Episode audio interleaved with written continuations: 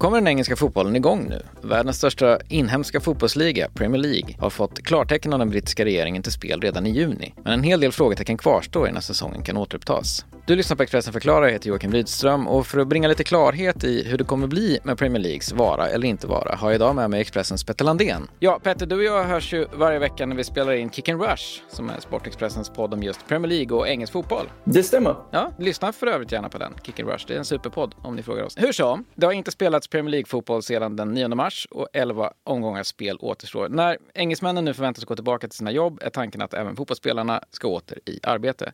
Vad talar för att Premier League faktiskt drar igång nu i juni? Alltså egentligen det du säger eh, tar upp här att engelsmännen förväntas återgå till sina jobb och detta är ju människor som lever och verkar i England och fotbollsspelande är deras jobb. Så att så länge det förväntas av så att säga den vanliga Svensson eller Smiths eller vad man säger i England så att de ska gå tillbaka till sina jobb så gäller det självklart även för fotbollsspelare. Även om det är en uh, yrkeskategori som inte är så vanlig som en uh, genomsnittlig kontorsarbetare så är det ju alltjämt fortfarande ett yrke. Men jag antar att det här kommer ske under vissa förutsättningar ifall fotbollen ska börja. Hur ser de förutsättningarna ut? För det första så kommer det inte att vara någon publik på plats på arenorna. Och det gäller tills vidare, så att det kommer spelas inför tomma läktare. Det diskuteras fortsatt även om huruvida matcherna ska spelas på vissa speciella arenor eller om det ska få lov att vara hemma borta. De vill ju minska resandet. Eh, det har man varit inne på i Sverige också, att eh, det är motstånd till att allsvenskan ska kunna eh, dra igång just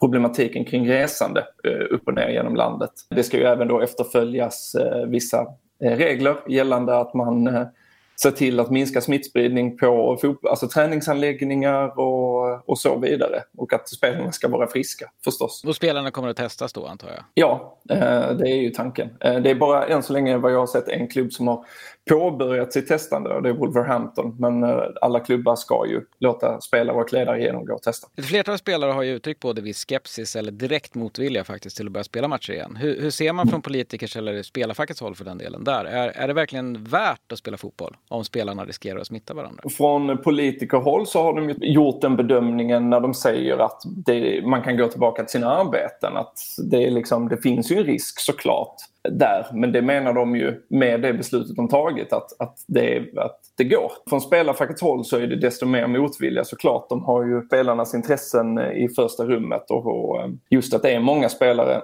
som har sagt att vi vill inte göra detta med tanke på risken Eh, vi har familjer att tänka på och sådär. Så frågan om det är värt att spela fotboll, kanske inte för den enskilde spelaren, så är det klart kanske inte värt det. Men eh, det är ju ett yrke och är det sagt att det ska utövas och att det går att utöva så kommer det nog att utövas. Men vad händer då om flera spelare visar sig bära på viruset? Om ett lag måste ha några av sina kanske bästa spelare i karantän så borde ju förutsättningarna för spel bli väldigt ojämna.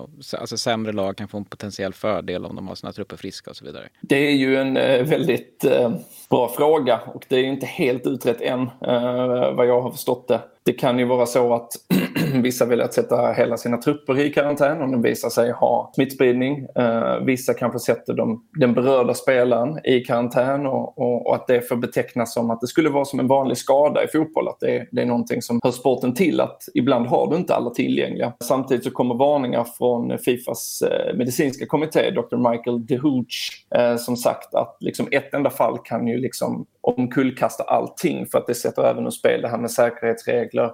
Om den har kommit i kontakt med någon som sedan ska resa, vad händer då? I och med att eh, jag tror att klubbarna, eh, inte bara i England utan även i andra ligor runt om i Europa där det ska startas upp. Det finns ju protokoll såklart eh, och det finns liksom en föreskrifter för hur allting ska fungera.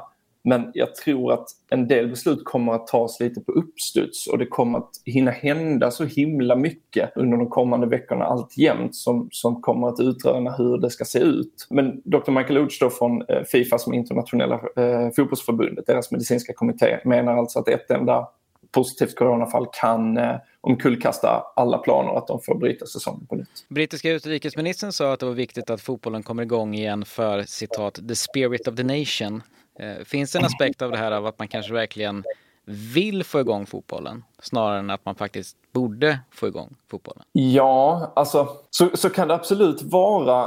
Det är väl som egentligen allting som vi har eh, gjort oss vana med i vårt vanliga liv på något sätt eh, fotbollen är i England en jättestor del uh, av, av folks liv, precis som den är i, i Sverige. Och det ser man att det, det, det finns en stor diskussion om allsvenskans möjliga återkomst i, Sverige. Och det kanske finns en liten poäng i det här att eh, det är klart det kan lyfta folk. Folk eh, brinner och lever med sina fotbollsklubbar och att få lov att se dem spela, om än bara på tv, kan ju faktiskt ha en att det kan finnas en sån poäng att de, de vill få igång den just för att det, det gör folk glada. Men rent krasst, är det inte enklast att bara ställa in säsongen då? Och, och, hoppas på att komma igång nästa höst igen? Rent krasst, ja. Det skulle vara det absolut enklaste.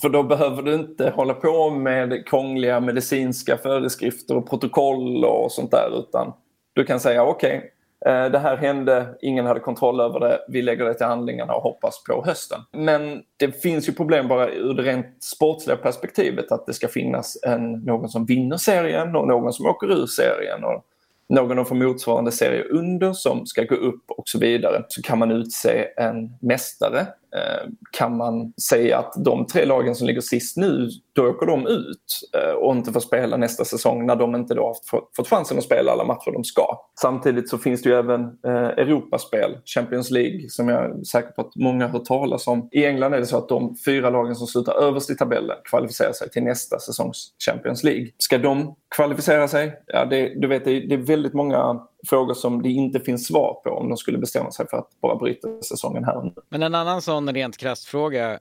Hur mycket av det här handlar om pengar då? Alltså vilka summor är det vi pratar om som betalas ut eller inte till klubbarna för tv-bolagen som sänder en återupptagen säsong exempelvis? Här kan jag också svara rent krasst, det handlar nästan enkom om pengar eh, skulle jag säga. Premier League är världens största fotbollsliga och det är en mångmiljardindustri som saknar motstycke eh, i Europa i alla fall. USA har ju eh, gigantiska avtal med basketen och amerikanska fotbollen. Men Premier League är världsomspännande. TV-avtalet som alla klubbar får ta del av är ju värt över en miljard kronor per klubb. Så man brukar ju säga att eh, en uppflyttning till Premier League är värd alltså, miljardtals eh, kronor. Eh, och när de inte spelar matcher, de här klubbarna, så får de inte heller några pengar för de, från tv-avtalet för de matcherna de missar.